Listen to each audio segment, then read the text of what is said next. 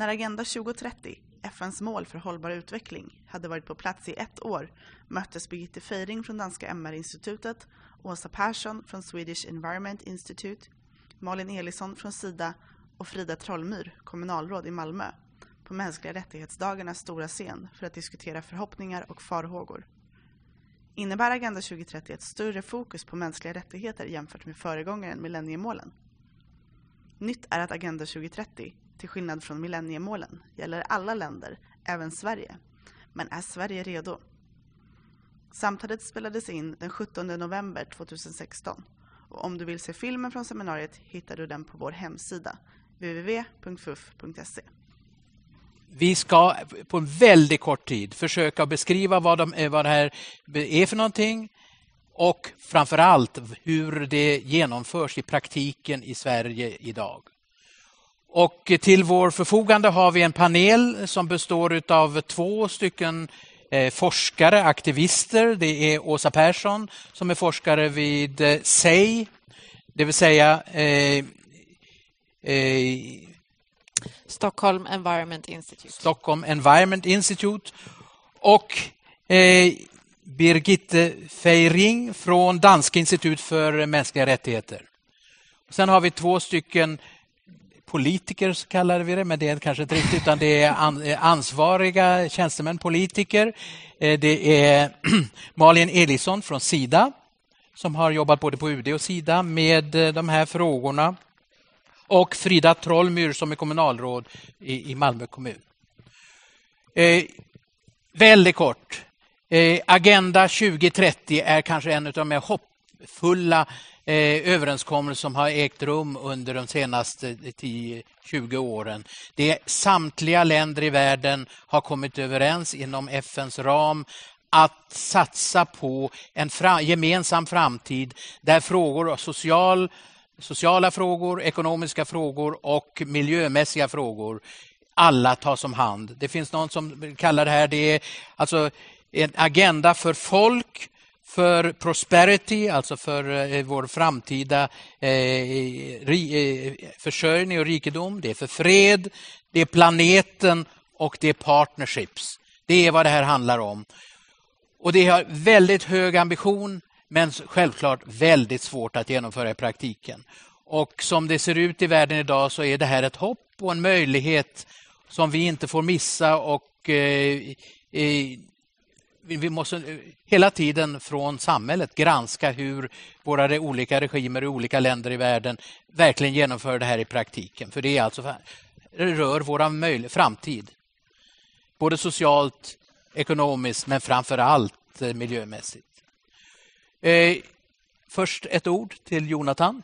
Ja, det är så att vi vill gärna att ni ska vara delaktiga i det här samtalet också. Så vi kommer ta in frågor på den här hashtaggen som är så här, SweAgenda 2030. Och sen i slutet så kommer jag att komma upp på scenen och ställa dem till panelerna, välja ut ett antal då. Så tweeta på under den hashtaggen så väljer vi ut några stycken. Tack. Ja, vi går omedelbart då till den första två eh, personerna som alltså då representerar med forskarvärlden. Och Birgitte Feiring ska ge lite mera bakgrund än vad jag har gett. Varsågod. Tack, tack så mycket. Nu kommer chocket. Jag har tänkt mig att tala på dansk. Hvis I ikke kan forstå det, så må I lige vinke til mig, og så kan jeg øh, skifte til engelsk. Jeg håber, det går. Øh, jeg kommer fra Dansk Institut for Menneskerettigheder, og vi har et særligt program, der adresserer øh, sammenhængen mellem menneskerettigheder og bæredygtig udvikling. Øh, bare for et, et, et par ganske få ord om baggrunden for The Sustainable Development Goals, SDG'erne, som vi kalder dem. SDG'erne er en kulmination af to forskellige øh, hovedspor globalt. På den ene side kommer det ene spor helt tilbage fra 1992, da man vedtog klimakonventionen, øh, biodiversitetskonventionen og konventionen mod ørkendannelse. På den anden side havde vi omkring årtusindeskiftet The Millennium Development Goals, MDG'erne, som var nogle punktnedslag øh, mest på nogle sociale og nogle økonomiske udviklingsfelter. Og nu har man så i 2015 vedtaget SDG'erne, som er bæredygtige udviklingsmål, Sustainable Development Goals, som forener både den tankegang, der lå til grund for bæredygtig udvikling tilbage i sidste årtusind, men også tager fat i nogle af de tematikker, som var afspejlet i Millennium Development Goals. Øh, SDG'erne er også meget forskellige fra MDG'erne øh, via den proces, som ligger til grund for det. Hvor MDG'erne blev skrevet i et kontor i New York, så har SDG'erne været genstand for en hidtil uset global proces, hvor civilsamfundsgrupper, kvindegrupper, lokalsamfund har været involveret i diskussionen. Så der ligger en meget bred proces til grund for dem. Øh, der er forskellige, det man kalder major groups, øh, særlige grupper, som, som har en særlig rolle i forhold til bæredygtig udvikling, som er direkte skrevet ind i denne her agenda. Det er urfolk, det er kvinder, det er børn. Så, så der er et meget bredt folkeligt fundament, som jo også afspejler menneskerettighedernes bestemmelse om deltagelse, blandt andet. Øh, det er en global vision. Okay, I'm sorry. I'll try in English.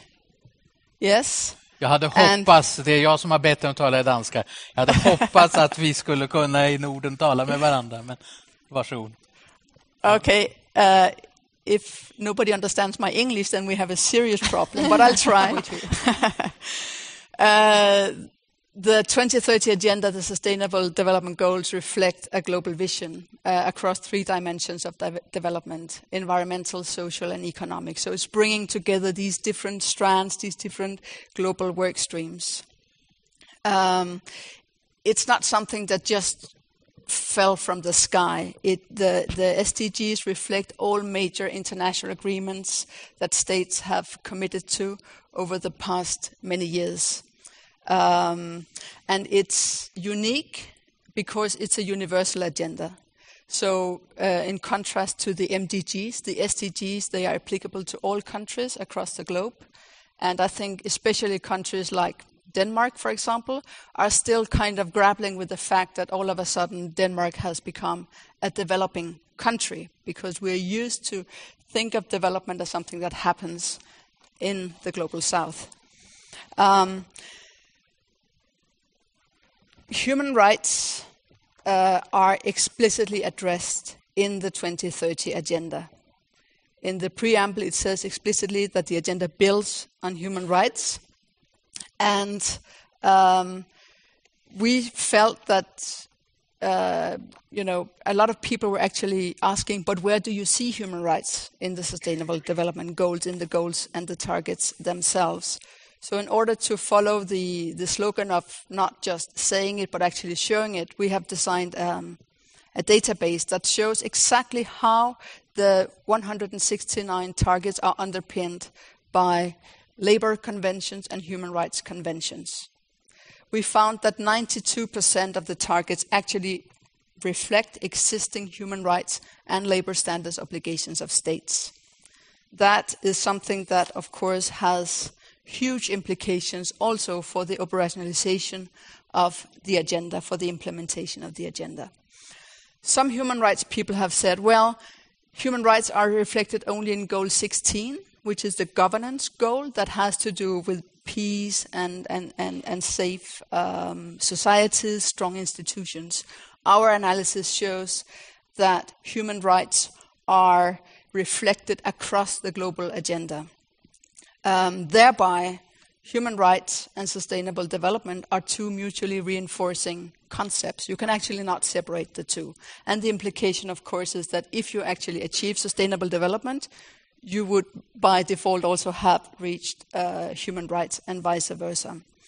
Uh, also, the, the Sustainable Development Agenda adds dimensions to human rights that can you know, recontextualize and strengthen human rights. For example, human rights, when the core instruments were conceived, uh, climate change and uh, environmental degradation was not as, as urgent, as pressing as it is today. So the, the, the global goals give us an opportunity to address these uh, dimensions in a more coherent way. The 2030 agenda comes with a follow up and review mechanism. The language about follow up and review is a bit vague, and many people would have liked to see stronger language of monitoring and accountability.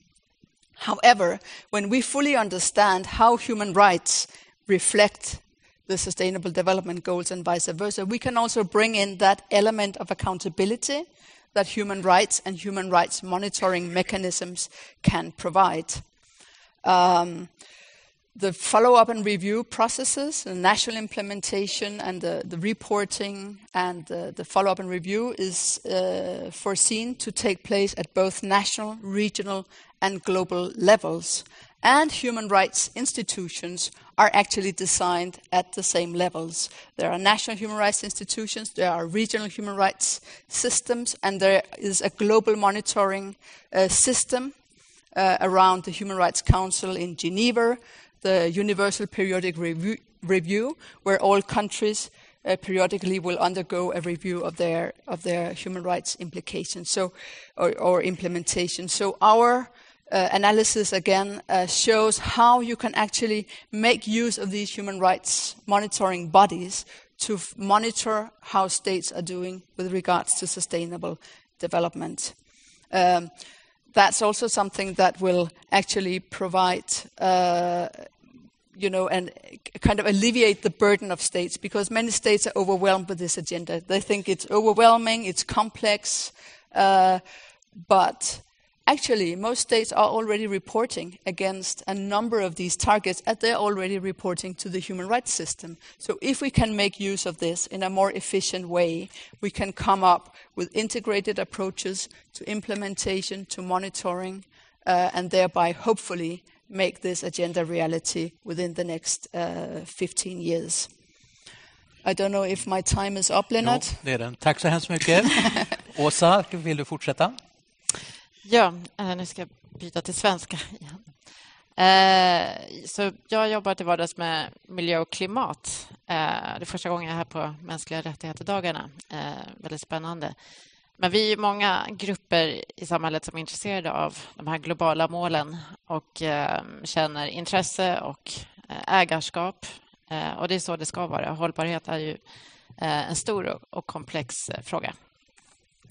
Vi tycker väl, eh, det här institutet jag jobbar på, Stockholm Environment Institute, tycker just att den här universaliteten som Birgitta också tog upp, det vill säga att de gäller för alla, det är inte bara för utvecklingsländer och bistånd och så vidare, eh, är det som är riktigt spännande med den här agendan. Och eh, vi tog det på allvar och skrev en rapport för ett år sedan då när de här målen antogs, där vi tittade på Sverige, hur, hur Eh, står Sverige idag i förhållande till målen? Gör vi vår hemläxa på hemmaplan, så att säga? Ehm, och jag ska snart säga vad vi kom fram till, men jag vill bara säga ytterligare en sak om eh, universalitet. Ehm, jag minns att för ett år sedan när de antogs så sa Hans Rosling gjorde en eh, sån uppdelning att man kan säga att ehm, alla länder äger den här agendan tillsammans. Eh, de fattiga länderna förstås eh, prioriterar utveckling. De rika länderna är prioriterat med hållbarhet.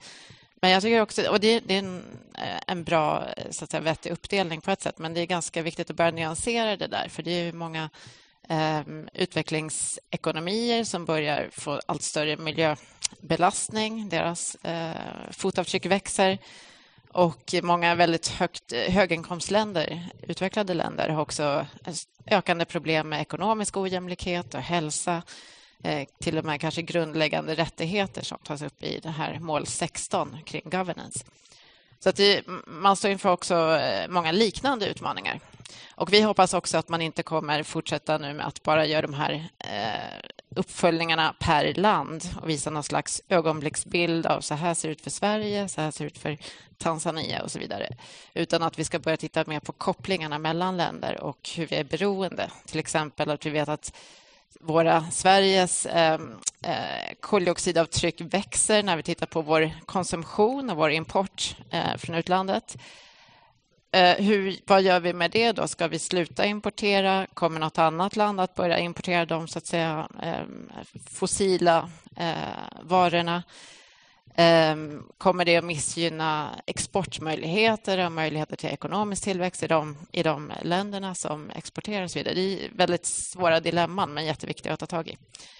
Eh, men hur då? Är Sverige redo? var en fråga jag fick här. Och Eh, jag tänkte försöka ge så enkla och tydliga svar eh, som det går.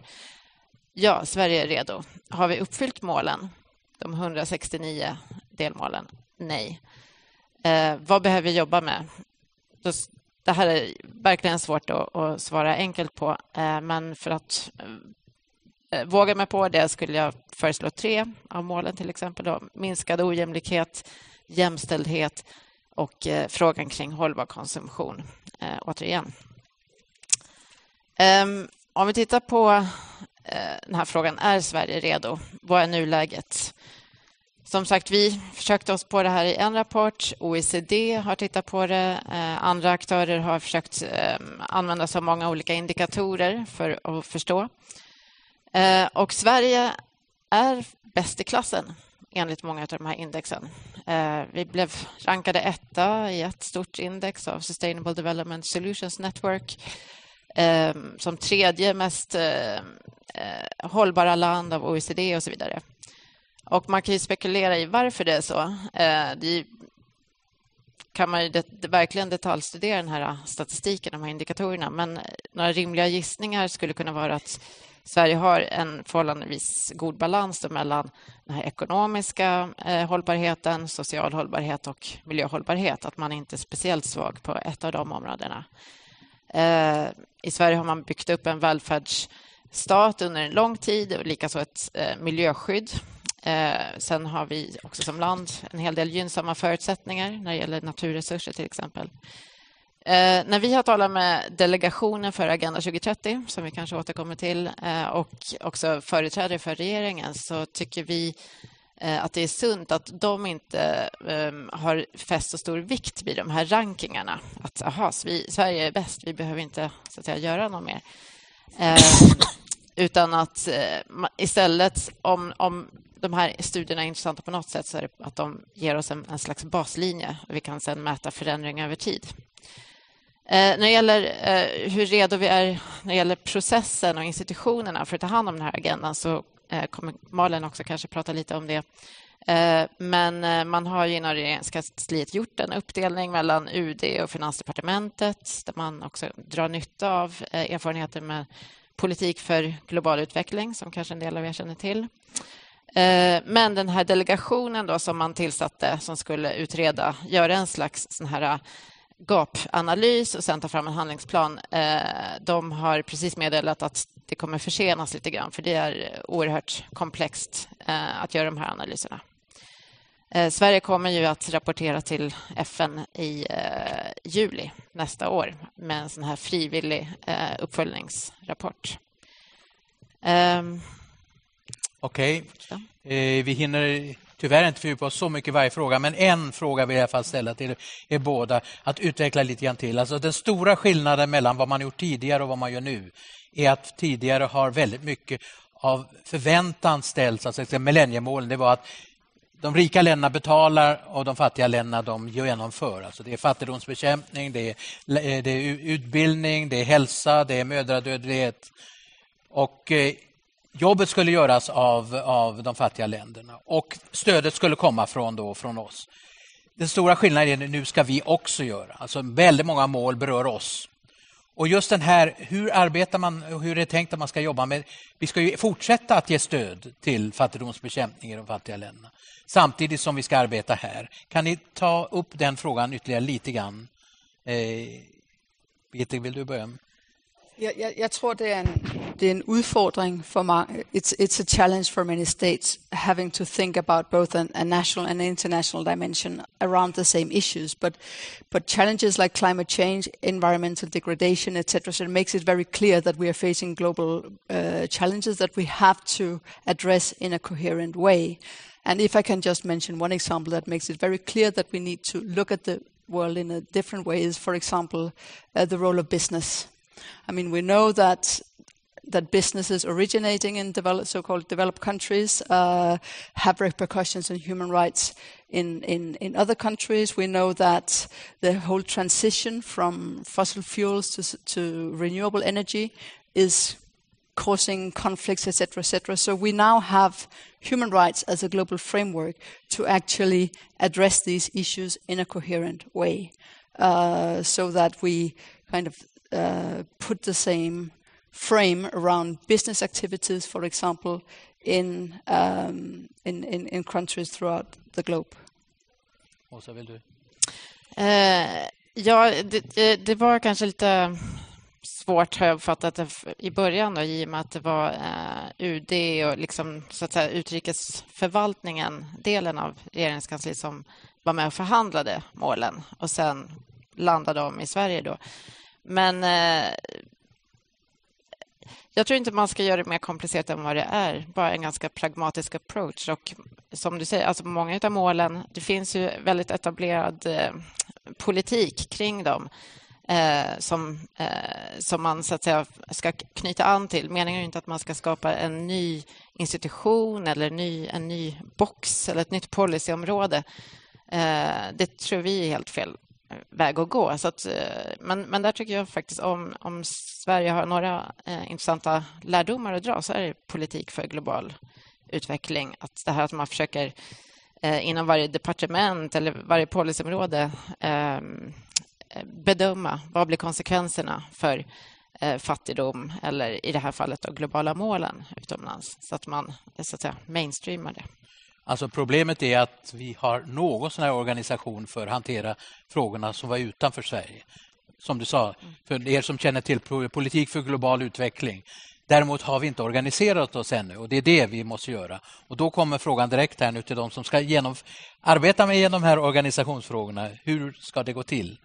Vill Malin börja? Som, Malin står alltså inte bara för Sida utan också jobbade just på UD med de här frågorna då man förhandlade fram dem. Mm. Nej, men jag skulle säga att eh, jag är väldigt eh, förhoppningsfull därför att jag ser att eh, vi, vi såg under förhandlingen över att eh, styrkan med den här agendan är att den har varit så inkluderande. Så det tog många, många år att eh, eh förhandla fram den eh, och att den byggde på mycket eh, inspel från olika expertgrupper. Och som, som ni redan har sagt här, Eh, målen eh, skapades inte 2015 utan de kommer från de här olika spåren. Så det, det fanns eh, både uppföljningsmekanismer att dra på och eh, eh diskussioner från olika eh, starka expertgrupper som eh, hade varit med och bidragit till vart man ska eh, gå framåt.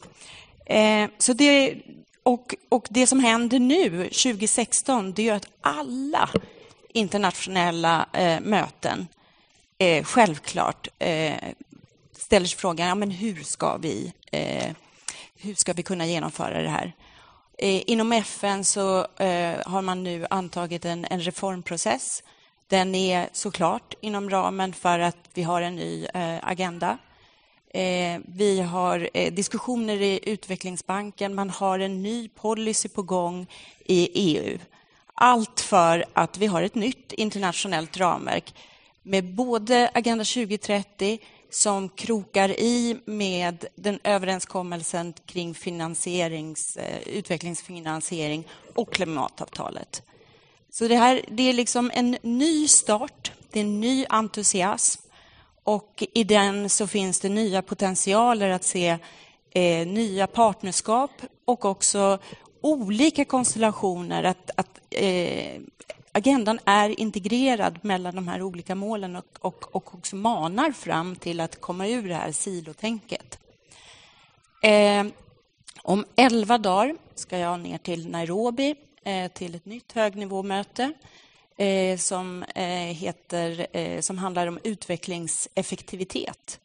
Ett högnivåmöte där, eh, som leds av biståndsminister Lövin och eh, jag tror att det är ett oerhört viktigt möte eftersom man då diskuterar hur-frågorna.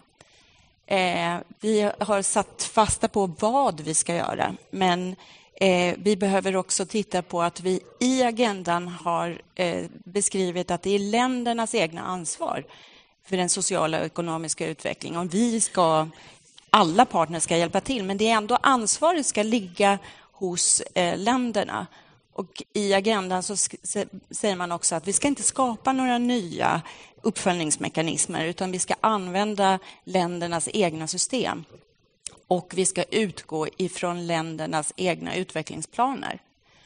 Och ibland tycker jag att i diskussionen med all den här entusiasmen så kanske man tappar bort det perspektivet. Så det är väldigt, väldigt viktigt att den här eh, högnivåmötena, att man gör nya utfästelser. På Sida jobbar vi på ganska mycket, tycker jag. Vi fick ett uppdrag av regeringen att kartlägga all vår verksamhet och det gjorde vi genom alla strategier som vi har och såg hur de här nya eh, globala målen eh, förhåller oss till den eh, verksamhet som vi redan eh, bedriver.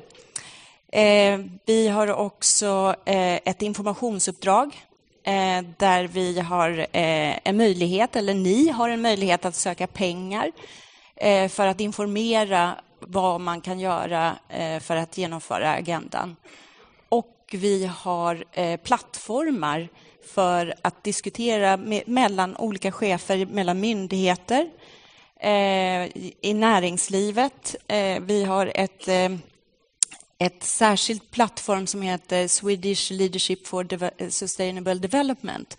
Och jag skulle säga att det är också ett, ett svenskt initiativ där eh, faktiskt de först, eh, största företagen i Sverige finns med för att eh, lyfta frågor, eh, att, att verka för en hållbar eh, utveckling.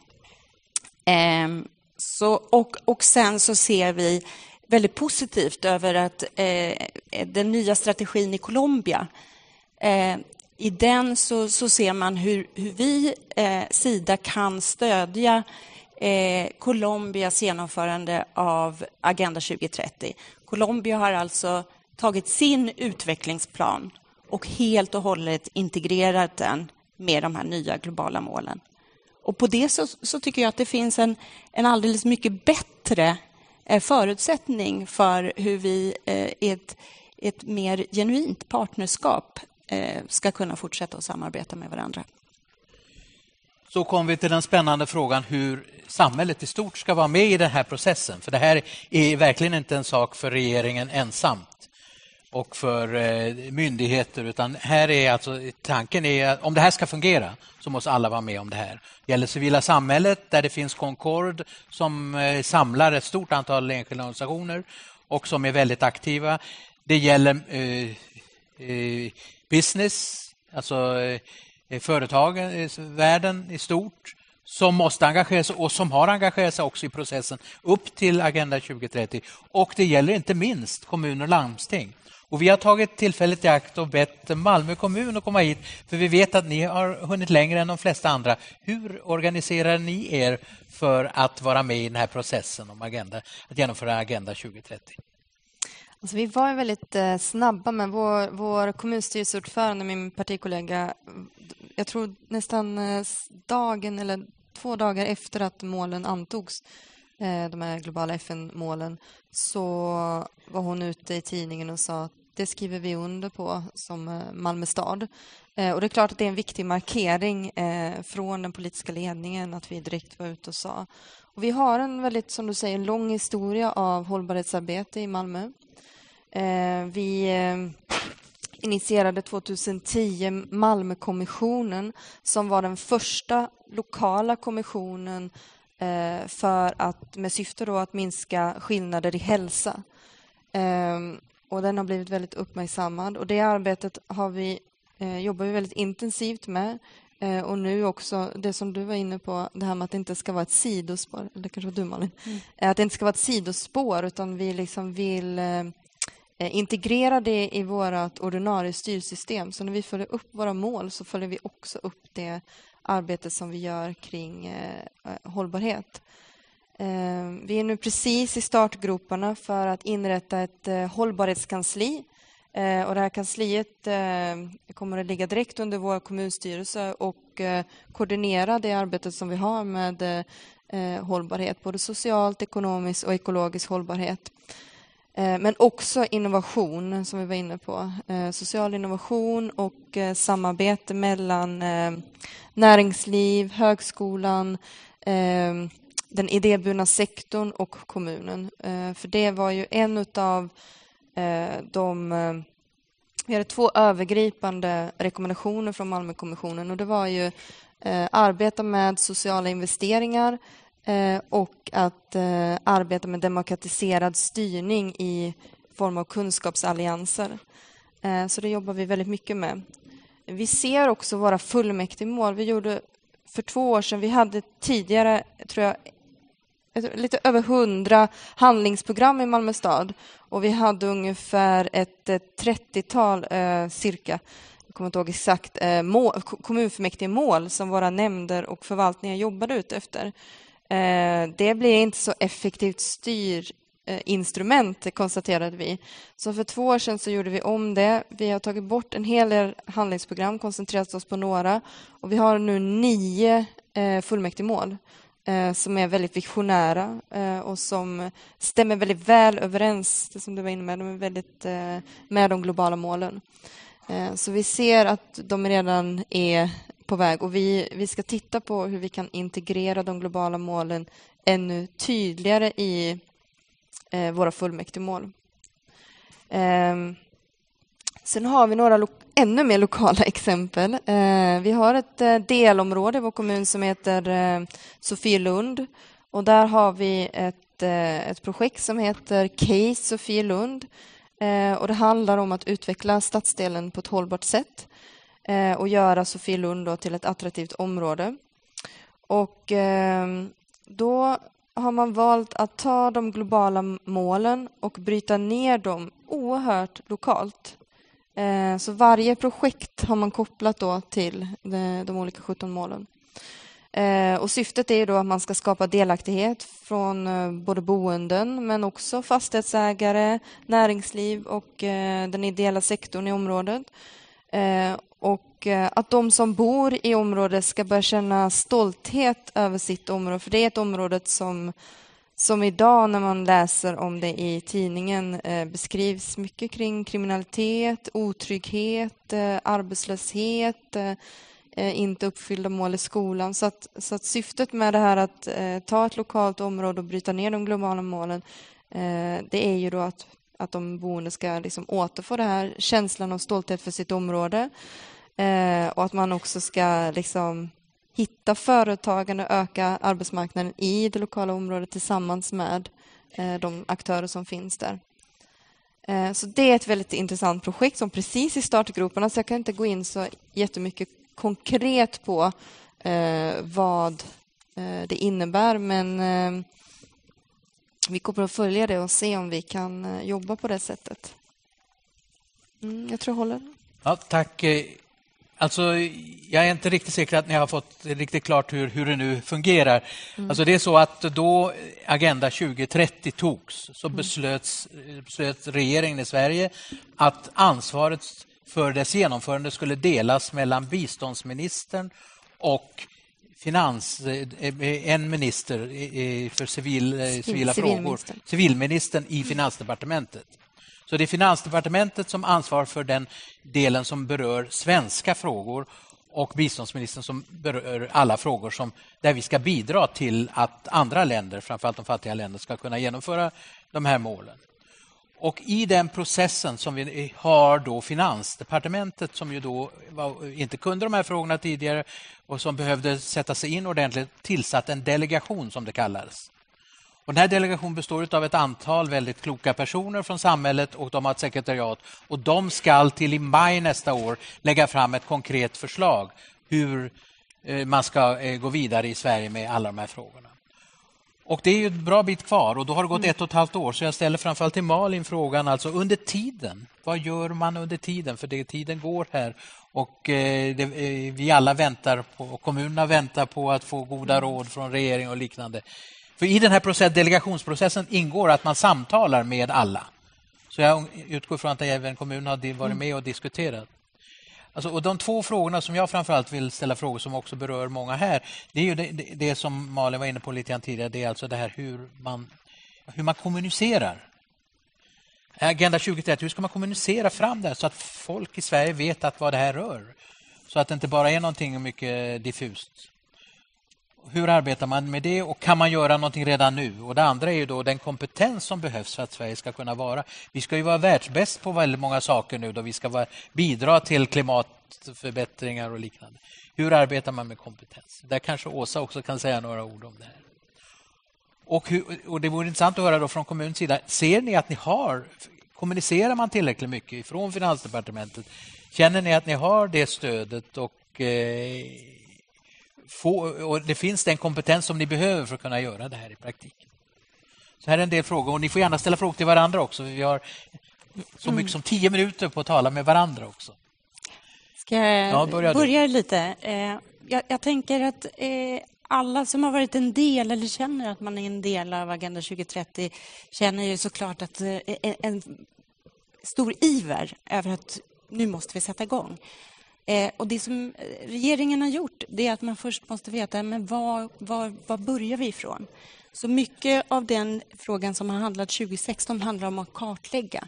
Det var inte bara Sida som myndighet som fick en, eh, ett regeringsuppdrag att kartlägga vår verksamhet gentemot de globala målen utan alla andra svenska myndigheter.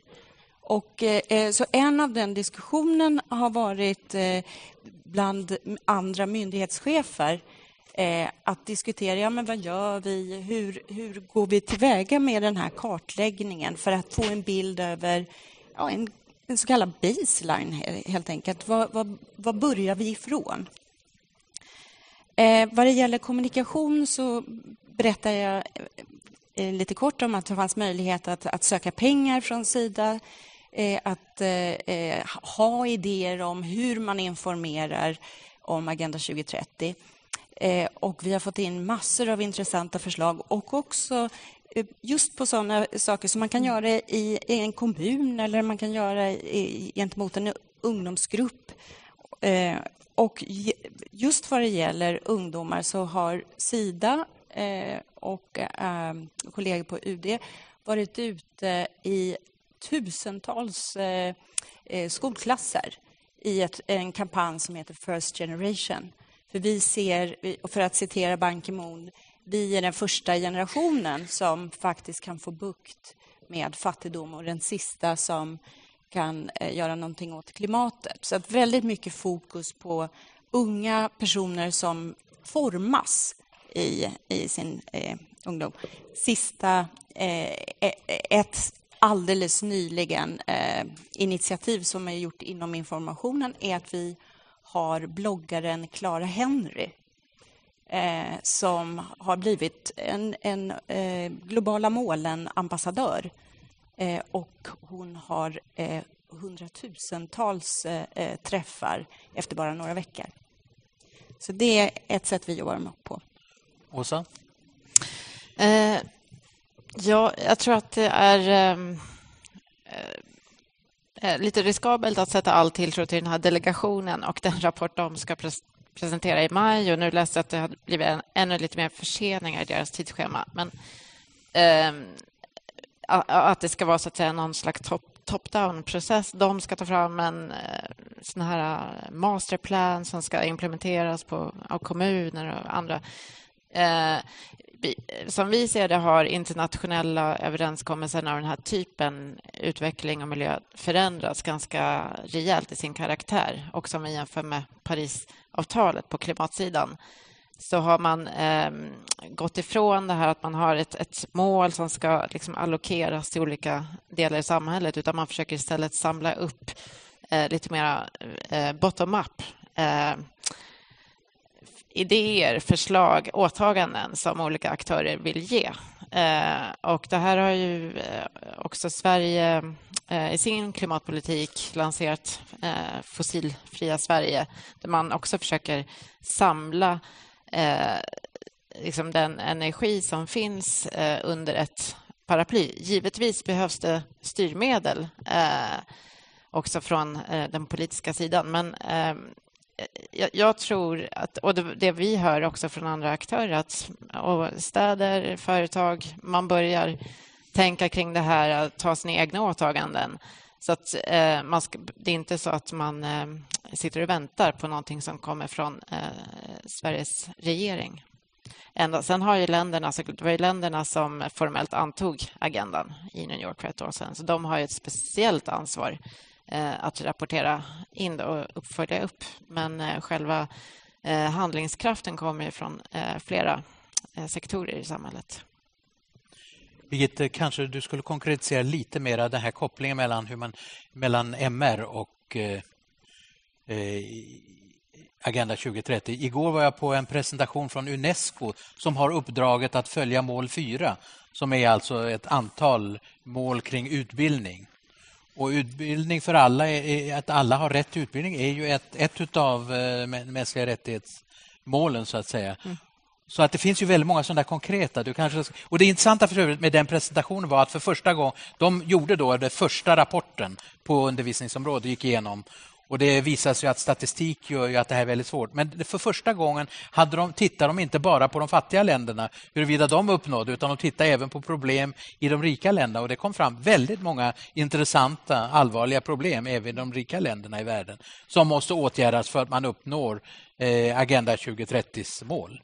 Men du kanske kunde kommentera lite grann kring just de här, konkretisera några sådana här I, I, think the challenges in, in, Denmark are very similar to what you're talking about in, in, in, Sweden. So, in Denmark, as a developed country, we're not that used to kind of domesticating an international agenda. Well, we're used to that in the context of our development cooperation, and, and the new uh, development assistance strategy of Denmark is exactly built around the SDGs. However, when it comes to the national uh, context, we can see that those sectors of society that were more, more immediately engaged with the SDGs were the NGOs working internationally, the, the, the, kind of climate and environmental NGOs, whereas other sectors of society, local government, persons with disabilities, women's groups, they are now coming on board.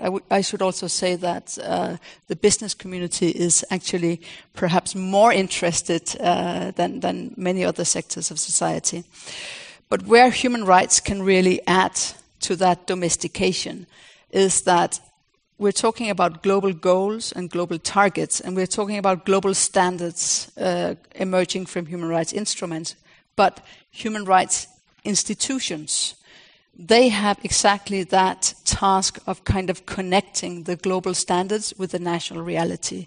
So, for example, the bodies that are set up to monitor national implementation of human rights, they do that qualitative, context-specific analysis of how do we achieve education for all in a Danish context?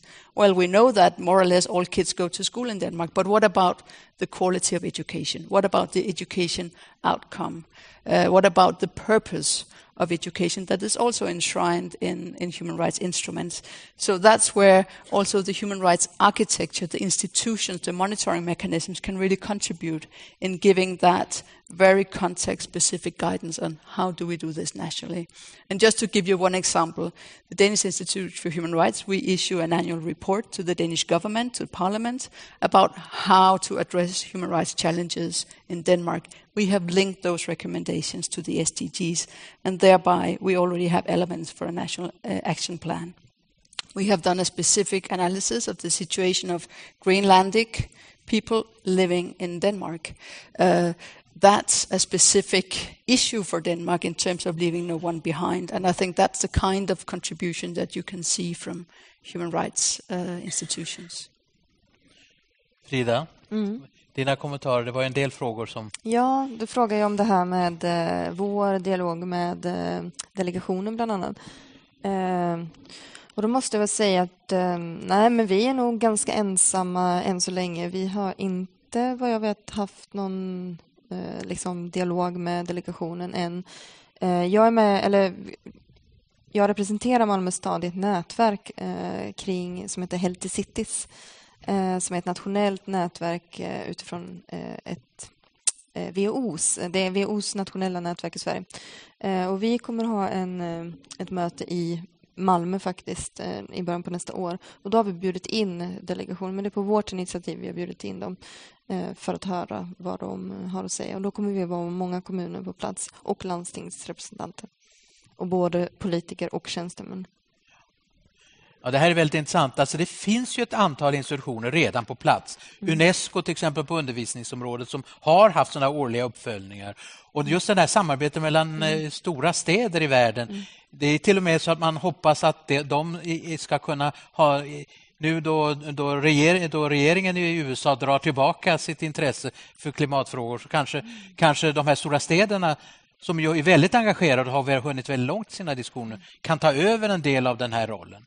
Så att det finns alltså eh, institutioner som kan... Eh, där är ju sådana områden som, in, som inte har den typen av kontroll. Och det finns ju sådana också.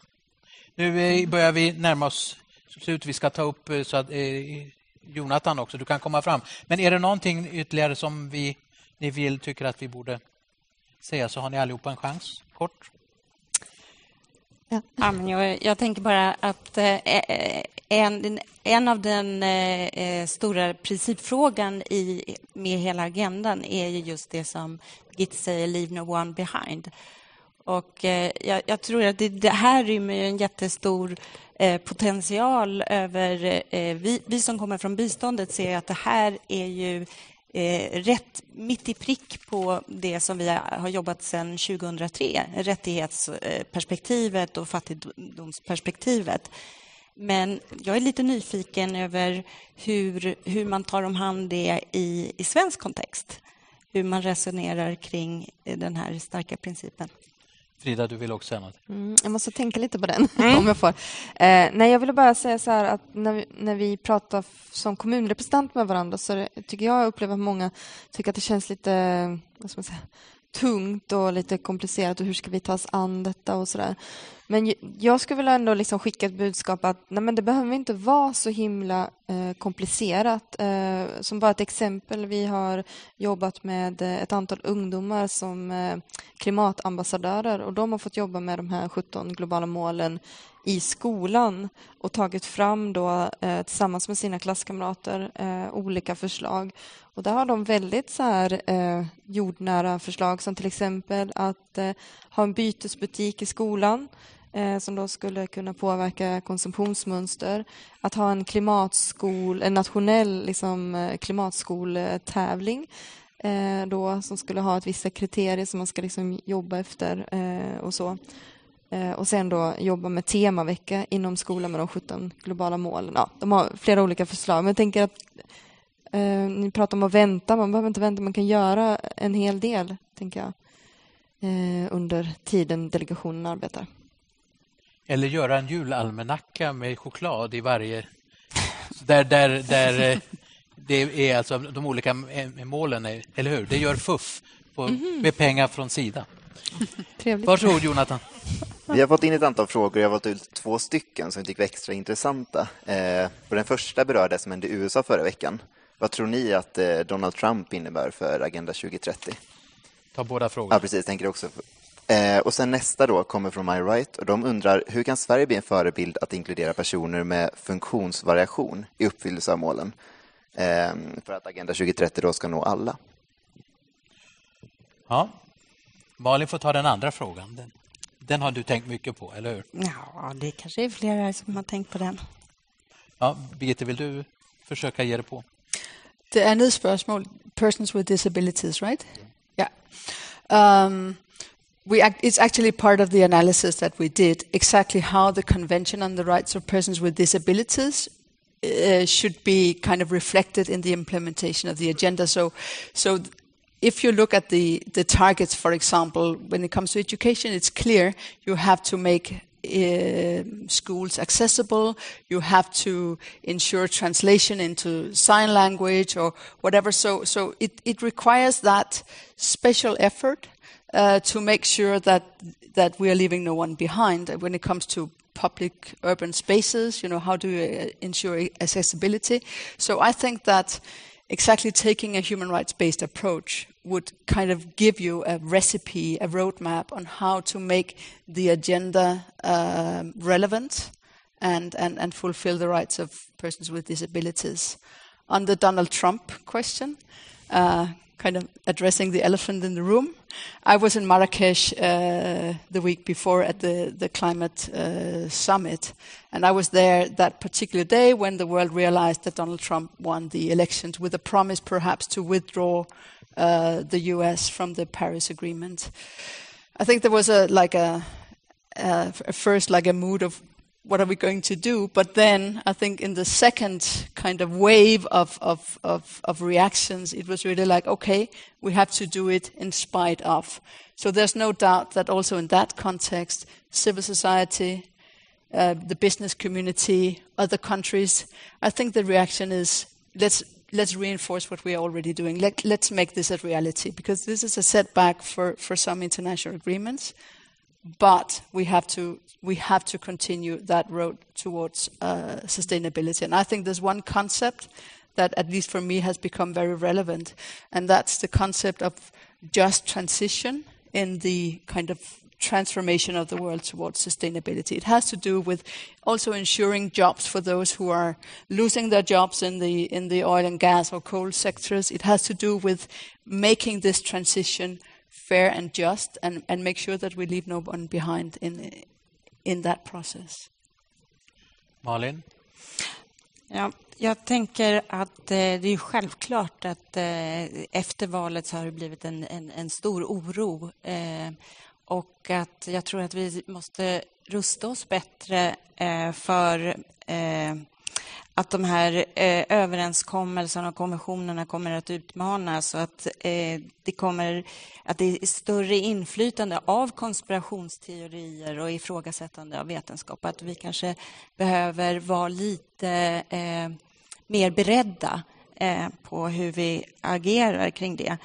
Eh, och Eh, eh, i det finns det ju risk att, att den här typen av eh, realpolitik för att hantera risker och, och utmaningar och om det blir ekonomisk kris, vi vet inte riktigt, att, att de tar överhanden över de långsiktiga besluten. Men jag tänker att vi är ändå fler som, mm. än, än de här personerna som, som röstar på, på Trump. Eh, vad det gäller eh, funktionshindrade så, så tänker jag att det finns väldigt mycket eh, genom att anamma ett rättighetsperspektiv av icke-diskrimineringsprincipen men också eh, inget om oss eh, utan oss eh, är en, var en devis som, som var väldigt tydlig i de här eh, förhandlingarna. Att man kan inte prata om en grupp eh, utan att man har pratat med den. Så Det tror jag är en viktig eh, dimension att ta med sig även i svenskt arbete. Vi, kommer till, vi tar en fråga till. Ja, det är lite vad vi berört redan, tycker jag. Men eh, hur bygger vi upp plattformar för samverkan om Agenda 2030 lokalt och regionalt där alla samhällsgrupper inkluderas? Frida, det passar. Ja, jag har inte riktigt svaret på det, men, men lite så som de har... Jag tror att det är ett framgångskoncept och det får vi ju utvärdera och se. Eh, så som man har jobbat då i ett lokalt område som Sofielund där man då har samlat, alltså man har gjort ett geografiskt mindre område där man har samlat alla aktörer. Eh, okej, okay, vi har ett mål här. Eh, låt oss jobba tillsammans mot det målet. Och det tror jag är ett bra koncept faktiskt. Ehm, vi har nog inte kommit så långt att vi har synkat det med region, alltså Region Skåne eller reg, kommunerna runt omkring utan mer att vi är i startgroparna får man väl säga. Åsa? Eh, ja, jag kan, på den sista frågan här kan jag bara eh, säga att vi eh, har gjort lite internationella jämförelser, jämförande studier och till exempel Finland håller på mycket med digitala plattformar för att öka kommunikationen så att det finns ju en del nya verktyg av den typen också. Jag vill bara en kort kommentar på Trump-frågan. Eh, också påpeka, liksom, rent tekniskt så är ju Parisavtalet ett avtal som är eh, lagligt bindande och där man nu spekulerar då ifall eh, USA kommer försöka dra sig ur det. Medan eh, globala målen är inte lagligt bindande på samma sätt utan en FN-resolution.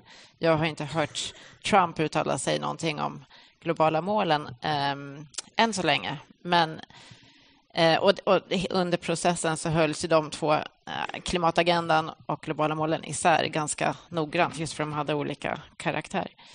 Ehm, så att det är möjligt att de så att säga, fortlever. Men eh, jag tror också att det finns mycket... De, de, är så pass kompletta, de tar upp de här frågorna kring ekonomisk ojämlikhet som kanske vissa eh, av de som har röstat på Trump kan känna igen sig i eller eh, stödja.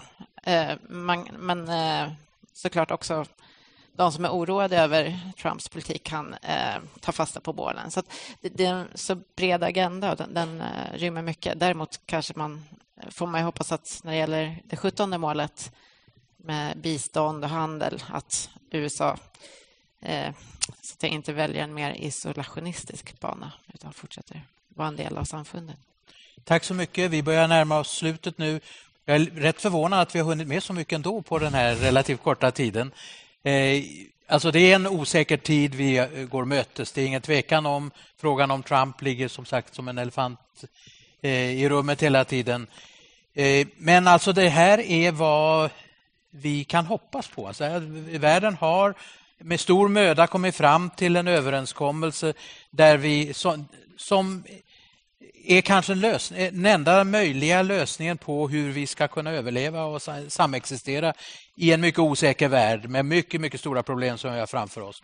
Och Det gäller för oss alla som kan att försöka hålla fast vid den här. Och framförallt då, i, nationellt i Sverige måste vi se till att alla förstår att det här finns det någonting som vi bör förhålla oss till och arbeta med.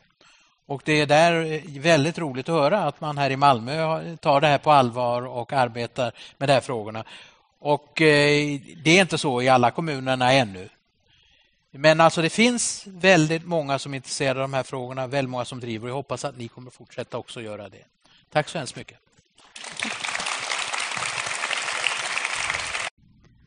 Tack för att du har lyssnat på FUF-podden. FUF är en förening som sprider information och skapar debatt om globala utvecklingsfrågor. Mer information om vår verksamhet hittar du på fuff.se.